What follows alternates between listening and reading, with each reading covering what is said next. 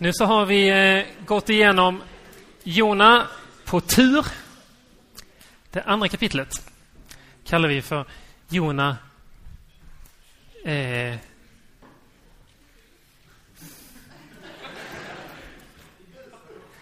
Det ska vara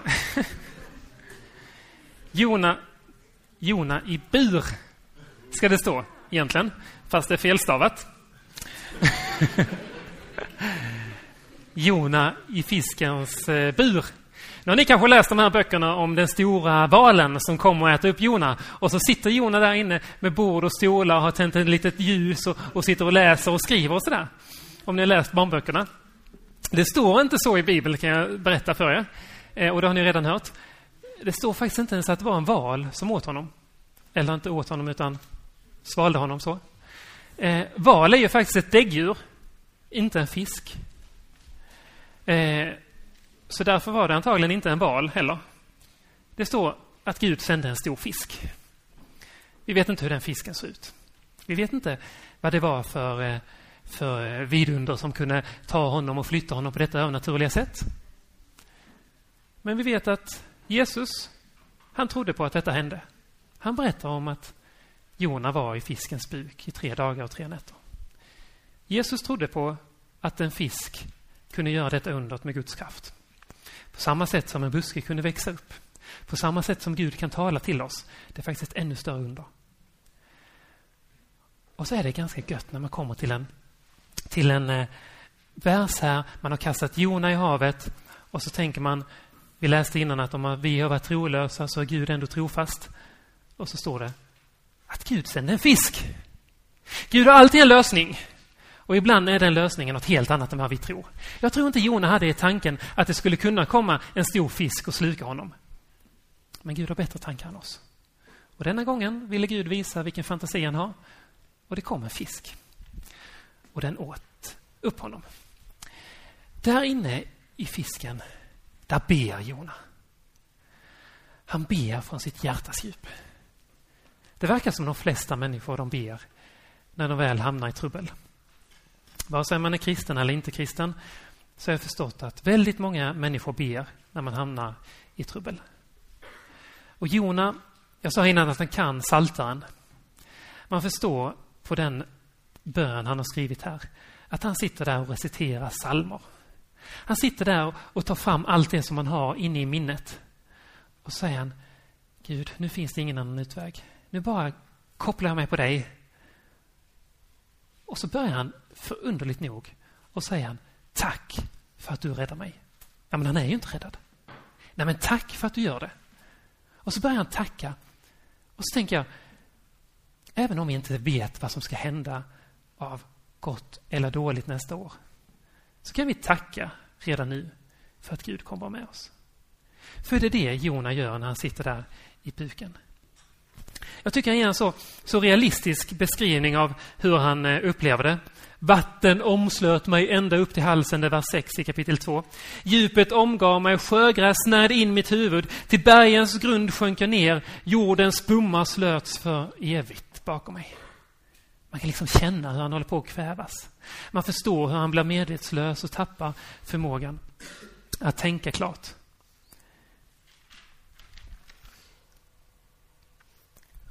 Och när han har sagt det så säger han Men du förde mig levande upp i graven. Oj, oj, oj. Hur kan Jonas säga något så här? Men du förde mig levande upp i graven. Han är ju fortfarande i graven. När vi ser Jona här nu framför oss. Hur han håller på att plaska i vattnet inne i magen där och antagligen är ganska bortkopplad från medvetandet. Så ser vi en bild av Kristus. Vi ser honom som tre dagar var i jordens inre i graven. Men hur han kom levande upp i graven. Här är vad Jesus snackar om Jonatecken. Och redan innan han har kommit upp så kan han vara trygg i Gud. Han säger att de som håller sig till fåfängliga avgudar Överge den nåd de har fått. Det kan vara så att vi har hållit oss till fåfängliga avgudar. Har försökt testa allt möjligt. Sluta med det. Håll er till Gud. Överge inte den nåd som han har gett er, att han har varit med er hela livet, att han har haft sin beskyddande hand över er. Sluta inte vandra tillsammans med honom. Har jag varit tydlig nu? Ni vet nog ungefär vilka exempel som detta handlar om i era liv. Det är bara fåfängligt. Överge inte den Gud som han har gett er. För frälsning finns bara hos Herren. Det finns bara frälsning hos Jesus. Det finns bara evig räddning hos honom. Välj inte någonting annat. Han eh, eh upplever där, Jona, hur allting bara är botten i hans liv. Vi har bara läst i boken om allting går ner. Han gick ner till staden Jaffo. Han gick in i båten och han gick ner i det inre av båten. Sen så blir han kastad ner i havet och han sjönk ner till havets botten. Fyra gånger har vi läst ner och vi fattar att nu är vi bara i botten av en människas liv. Det finns en del som fått smaka på hur det är att vara på botten av livet. Och där är Jona. Och då händer saker. Det finns en till som har gått i botten, botten av vad ett mänskligt liv innebär. Det var Jesu uppdrag. Han skulle bara gå ner i det allra djupaste botten av vad en människa någonsin kan uppleva. Han kan ha medlidande och förståelse med varje sak som händer i ett liv. För han är den som fick lida det värsta sättet en människa kan tänka sig. Han är den som fick vara övergiven av människor på det grymmaste sättet. Han var den som fick uppleva hur det var att vara övergiven av Gud. Han har full förståelse för allt vad du brottas med. Jesus har varit djupare ner än vad du har varit. För att hämta dig upp. Det är hans syfte. Men innan Jona får uppleva detta så testar han med en massa egna saker. Ja, de, där i båten så testar de och ropar till andra gudar. Alla människorna ber till sina olika gudar. Om man tänker, har man bara bett till alla de, så många gudar man kan komma på, så borde det finnas någon som kan hjälpa. Men det är förgäves. Det är helt förgäves. Okej, vi lättar lasten. Det var ett handelsskepp detta, för när man åkte till Tarsus så åkte man dit för att handla med elfenben och påfåglar och, och guld och, och, silver och sånt där. Det berättas om att Salomo gjorde det nämligen. Han åkte till Tarsus för att köpa allt det dyra. Och nu tänker man att de reser så här med den värdefullaste last man kan tänka sig att man drar iväg med på ett skepp. Och säger de, för att rädda vårt liv så bara tömmer vi ut. Ut med allt i havet, bord och stolar och last och, och packning och pengar. Och det finns ganska många människor som satsar så i sitt liv. Ja, men Gud, jag, jag ger eh, mina pengar, jag ger mitt år. Jag, värst av allt, jag kanske tar ett helt år på en bibelskola. Bara för att liksom visa att jag är minsann from. Jag bekänner en massa synder. Det räckte inte. Stormen tog dem ändå. Och de sätter igång i sin iver och de ror och de försöker komma ifrån Guds vrede av egen kraft och de ska liksom ta sig till närmsta hamn. Men de lyckas inte. Nyckelordet är de kunde inte. Människorna var försvarslösa. Fram till Jonas sa, ta mig. Ta mig, jag är offret. Döda mig, alltså kasta mig i havet för att de andra ska få leva. Jesus gjorde på samma sätt. Han gjorde det som alla vi människor har försökt med men inte lyckats med. Han var det offer som krävdes för att ge en mänsklighet frihet. Um.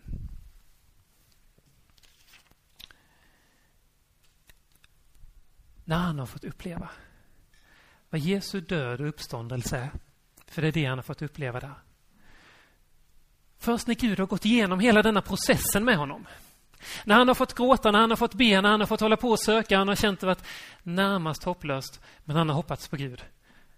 Då kommer fisken och kastar upp honom på land. Jag vet inte var, och det berättas inte. Kanske här. Jag vet inte hur långt de hade hunnit komma. Kanske här. Men om vi gissar att Gud ville ju att Jonas skulle till Nineve. Så för smidighetens skull så kanske han kastar, av, kastar upp eh, Jona på land här någonstans. Då har han 130 mil kvar att själv gå. Man skulle kanske kunna gå sådär fyra mil om dagen om man kämpar på. Då tar det en månad för honom att gå den här sträckan. Något mer än en månad. Han hinner tänka ganska mycket. Då har han varit på tur. Han har suttit instängd i en bur i fisken för att få tänka efter. Och så kommer han in i Nineve, en helt ny kultur som han inte känner till. Ni, ni hör att det rimmar, va? Tur, bur, kultur, ja. Tack. Och så står det. Herrens ord kom för andra gången. Det är ganska gott. Kanske sitter ni här som upplever att nu kommer Herrens ord för andra gången. Första gången lyssnade jag inte andra gången. Gud kommer för andra gången. Jag blir så glad när jag läser sånt. Gud kommer igen. Vilken nåd. För andra gången. Gud ger inte upp. Kommer för andra gången. Och så säger han, nu ska du gå och predika. Nu ska du göra det som jag har sagt till dig. Och så går han in och så håller han sin predikan.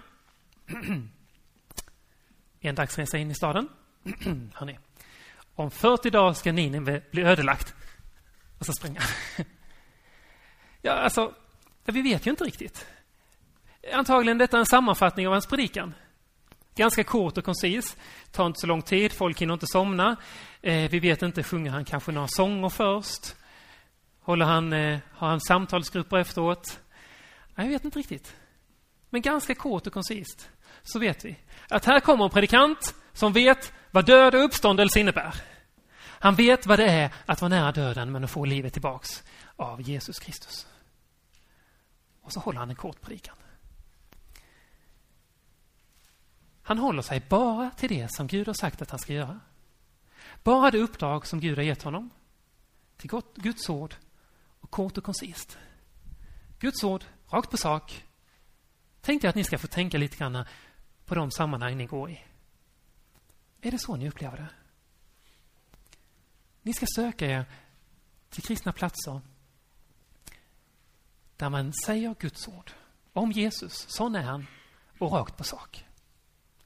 Det finns en massa andra som kallar sig kristna som inte säger Guds ord, som inte är rakt på sak. Jag tror Jon han har fångat någonting här. Det är alltid bäst att hålla sig till Guds ord och att man är ganska rakt på sak och säger hur saker förhåller sig. Det kan vara ett tips när ni letar efter en plats. För jag vet att ni behöver en plats varje vecka där ni firar gudstjänst, där ni är i ungdomsgrupp och där ni får umgås tillsammans med andra kristna. Sök då en plats där man håller sig till Guds ord och där man är rakt på sak. När han gör det så eh, får han en massa reaktioner. Folket de blir ju helt tokiga. Ja, de hör denna korta predikan och så börjar de tro på Gud med detsamma.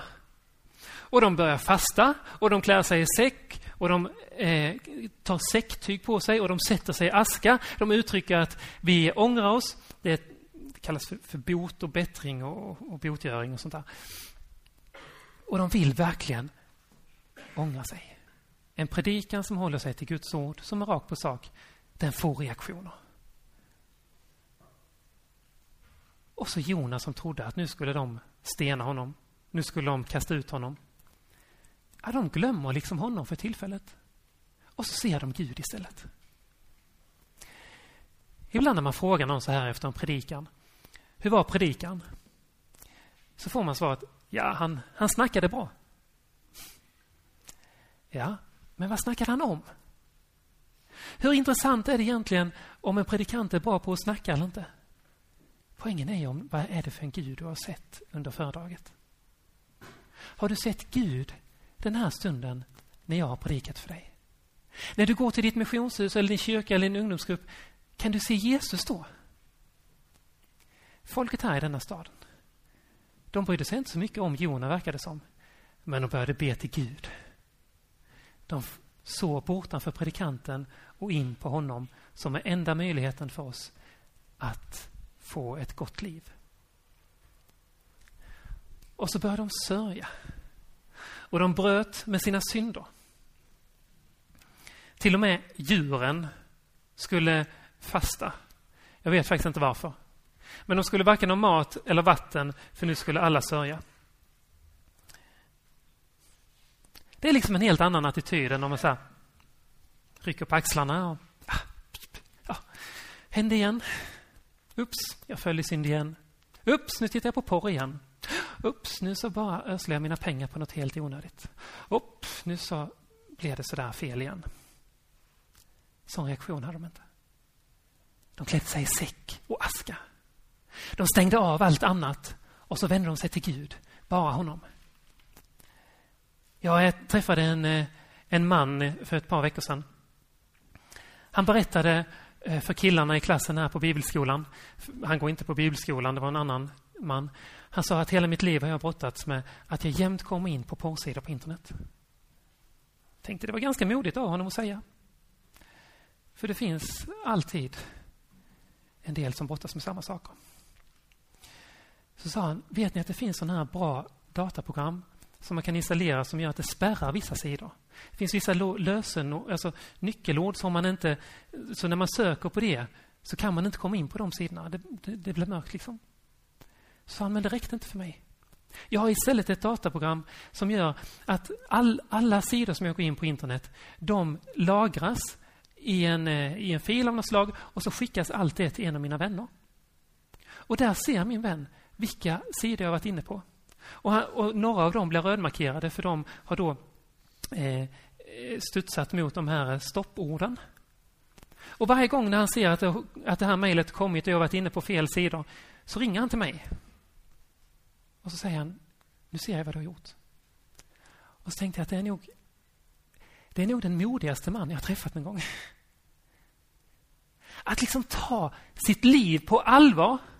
Att ta sin tro på allvar. Att jag vet att det finns saker som förstör mitt liv, men jag vill vända mig till Gud. Och så tänkte jag, hur vågar han låta någon annan människa se allt vad jag gör? För jag vet att det kan hända ganska mycket galet i mitt liv också.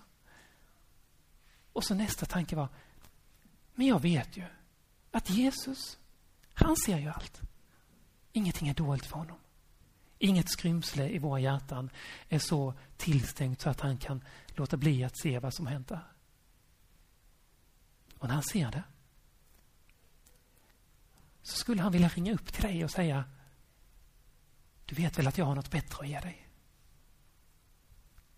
Du vet väl att jag har något bättre att ge dig? Det är det Jesus hela tiden vill ge oss. Om man eh, alltid är så fäst vid, vid eh, att man ska eh, använda sina pengar på ett eh, så att man aldrig någonsin har möjlighet att ge ge kollektor, ge till andra människor som behöver det bättre, att skänka till mission. Ja, då, då är det helt enkelt bara så att lämna då din plånbok till den som sitter bredvid dig och säga att jag klarar inte detta själv. Idag får du lägga kollekten för mig, för annars blir det för lite. Man kan använda varandra. Och man kan ta tag konkret i sitt liv och bestämma sig för att inför nästa år så vill jag leva ett rent liv, Jesus, inför dig. Det gjorde folket i Nineve. Man kan helt enkelt säga att min nya smartphone, den förleder mig. Jag skaffar en gammal telefon som man bara kan ringa och smsa med. Man kan säga att från och med nu så sätter jag en timer på hur länge min tv och min dator ska funka. Det blir inte mer än två timmar om dagen. Sen stänger den av. Man kan vara väldigt konkret mot varandra. Och man kan framför allt vara det så här vänner emellan. För vi vet ju att vi har ungefär samma problem allihop. Då är det inte så farligt att erkänna det för varandra. Och så kan man prata med varandra. Hur går det nu med ditt liv egentligen? Öslar du din tid på onödiga saker? Öslar du dina pengar på onödiga saker? Blir du förledd av saker? Ja, men då slutar vi med det tillsammans. Och så snackas vi vid igen nästa vecka och så kollar vi hur det har gått då. Ta ert liv på allvar. För Jesus han vill hjälpa er och ge er något mycket bättre. För det de upplever, det är att inför Gud är alla människor lika.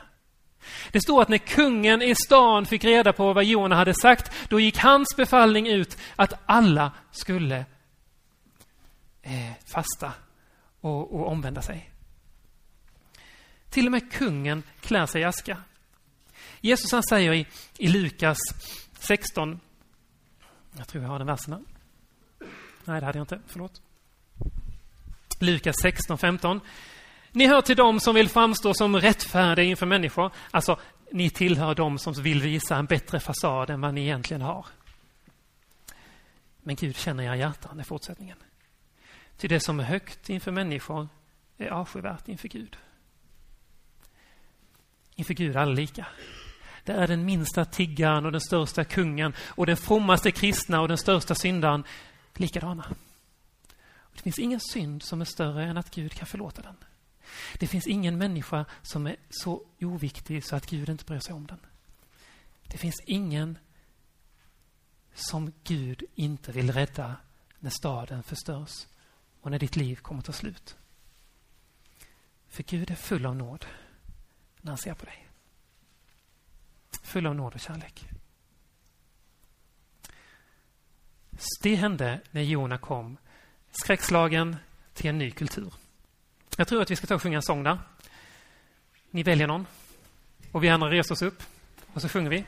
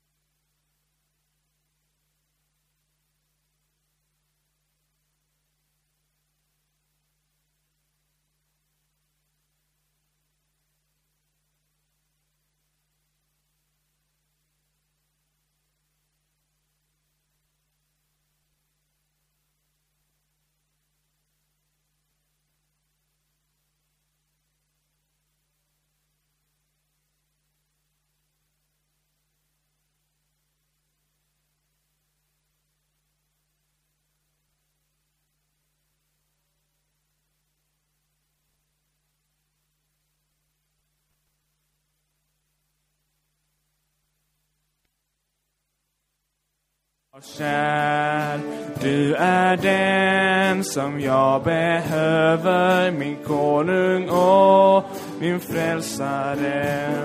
Strålande, underbar och helig, du är min för evigt. Jag vill lova dig, tillbe dig min Gud, Jesus min lovsång är du.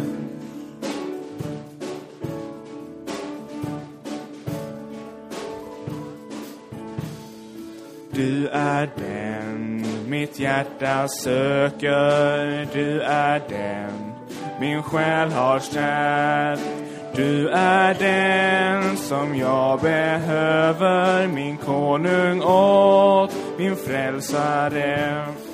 Du är den mitt hjärta söker, du är den min själ har kär.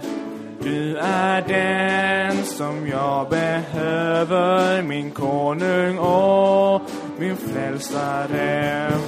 Strålande, underbar och helig, du är min för evigt. Lova dig, tillbe dig min Gud, Jesus min lovsång. Är du målande, underbar och helig du är min för evigt jag vill lova dig tillbe dig min Gud Jesus min lovsång. Är du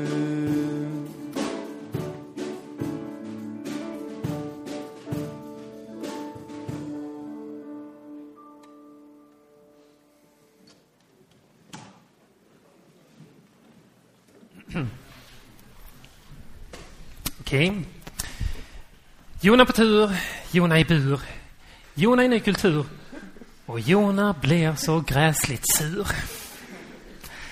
Nu så har han sett allting bli sådär som varje predikant bara skulle önska. Att folket omvänder sig och att allting blir bra. Men det blir inte Jona. Ja, ibland kan jag faktiskt se lite grann den minen när man står och predikar att när man trodde att folk skulle bli väldigt glada så ser de istället väldigt sura ut. Det händer ibland någonting i människan. Man förväntar sig att det skulle gripas en glädje här, Jona. Och så inser man att det blir inte alls så. Han skyndar sig ut i staden. Han sätter sig utanför. Han säger nu ska vi se vad som händer. Ska Gud sända eld och svavel? Eller ska han sända främmande trupper? Eller ska han låta en jordbävning rasera stan? Ganska spännande att se.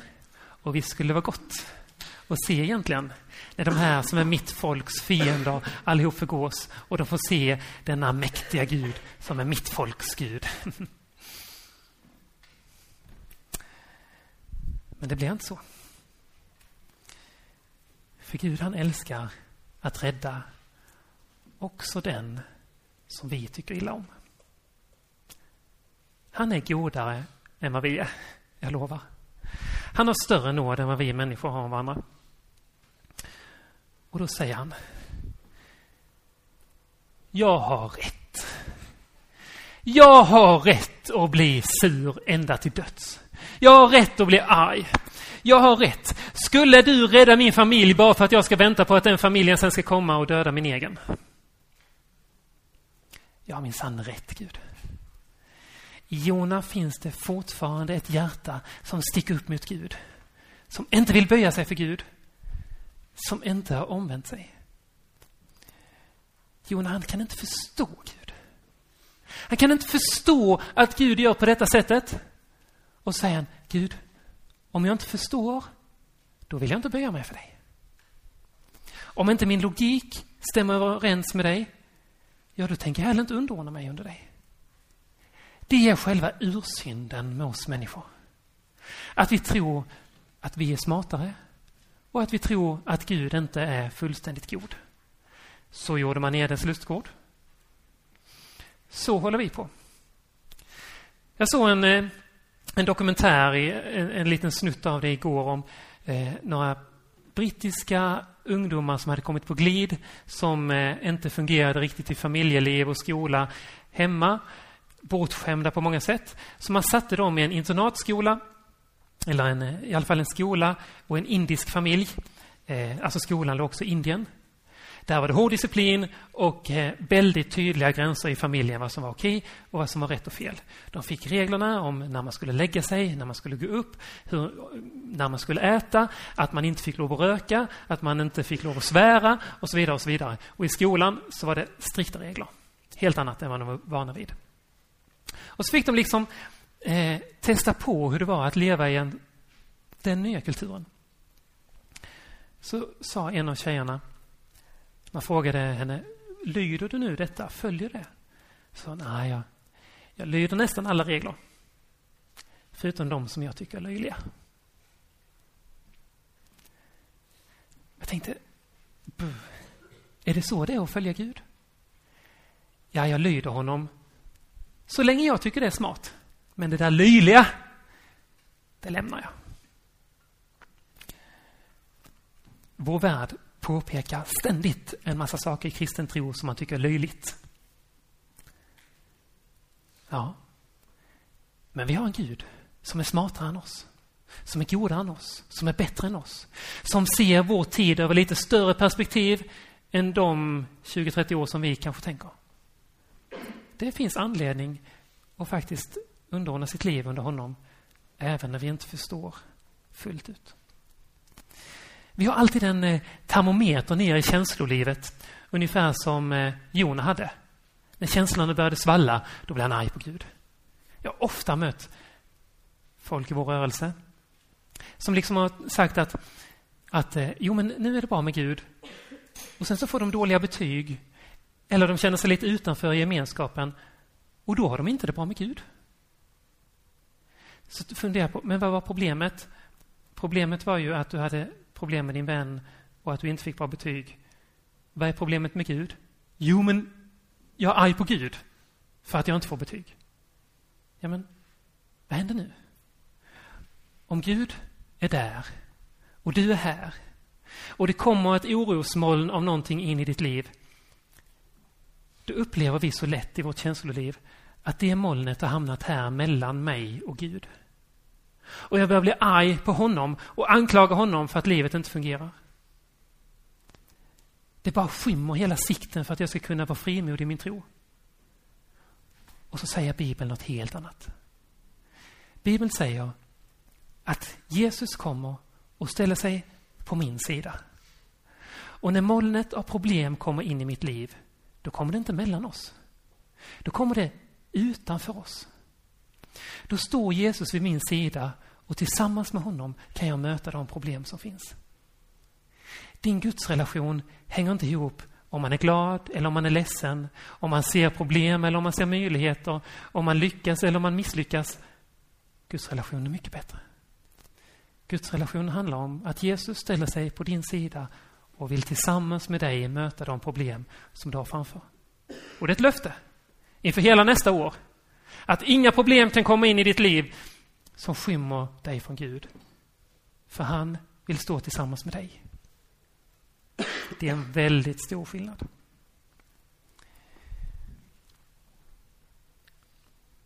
Det står så här i eh, Romarbrevet. Ehm, ja, just det.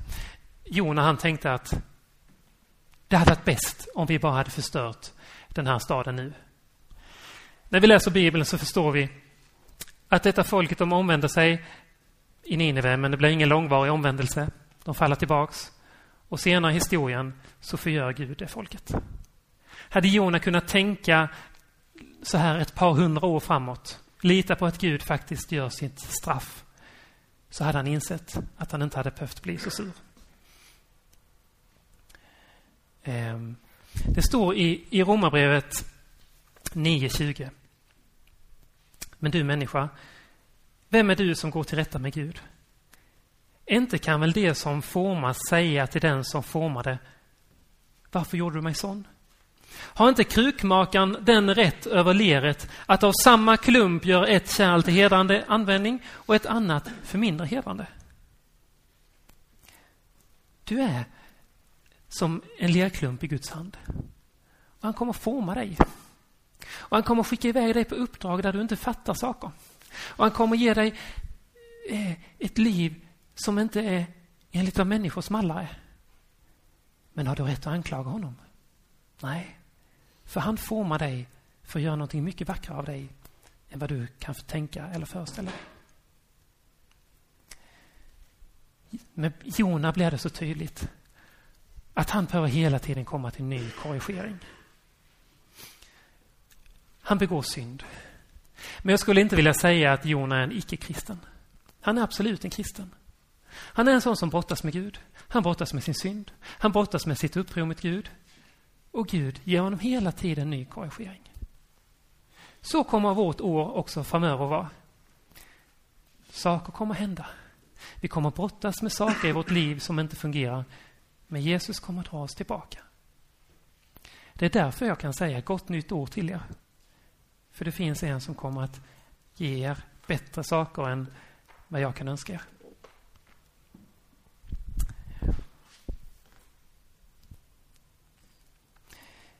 När eh, vi läste de sista verserna i, i Jona.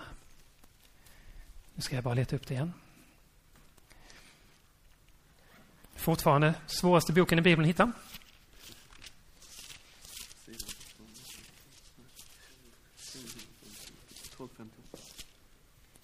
Tack, 1258. Så har... Eh, som vi, om vi ser där vers 9. Men Gud sa till Jona, har du rätt att vara arg för resinbuskens skull? Han svarade, ja, jag tar mig rätt att vara arg ända till döds.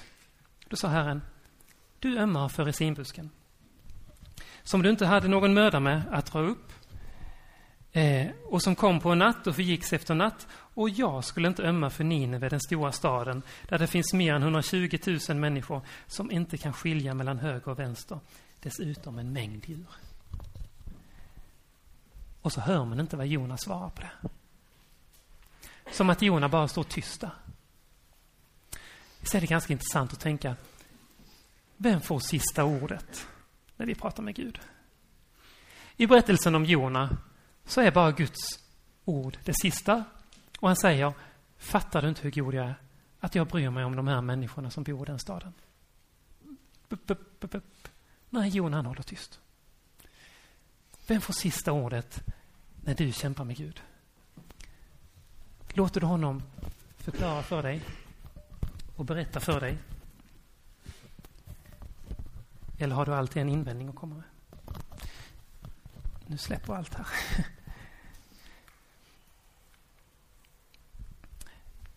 Vad är då den väg som Jona har visat oss för 2012 om jag ska sammanfatta? Han visar Fly inte från Gud. För hans tankar är bättre än människors tankar. Han säger Det är tid för dig att omvända dig. Det är tid för dig att lägga ner din vilja och låta hans vilja ske. Han säger att vägen för 2012, det är inte stora tecken under. Men det är att du har fått något som är grymt mycket bättre. Att du har bevis av att Jesus Kristus har dött och uppstått. Och att den som kan övervinna död, han går med dig nu.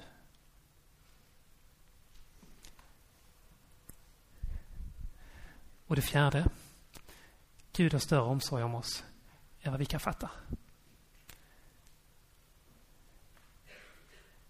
Det är de fyra sakerna som Jona har visat oss om vägen för 2012. Så då vill jag bara önska er gott nytt år. Tack. Jag vill be för er. Vi ska avsluta vårt föredrag här. Jesus. Jesus Kristus, tack för att du för att du är en sån Gud som söker upp oss på nytt när vi har flytt från dig. Tack för att du kommer ditt ord för andra gången. Tack för att du sänder stormvindar som tar tag i oss. Tack för att du kallar oss tillbaks till gemenskapen med dig, till ny omvändelse. Tack för att vi har något som är mycket bättre än stora tecken under. Vi har din sons död och uppståndelse. Tack för att du övervinner all ondska. Tack för att du har större omsorg om oss än vad vi kan fatta. Tack för att detta är utgångspunkten för det år vi har framför oss, för det liv vi har framför oss. Jesus, låt oss få leva det tillsammans med dig. Låt oss vara omslutna av dig, precis som fisken omslöt Jona på alla sidor. Tack för att du en dag ska ta oss in i din härlighet. Men tack för att du detta livet leder oss steg för steg fram till att en gång var vi målet, att komma nära dig. Att du aldrig lämnar oss.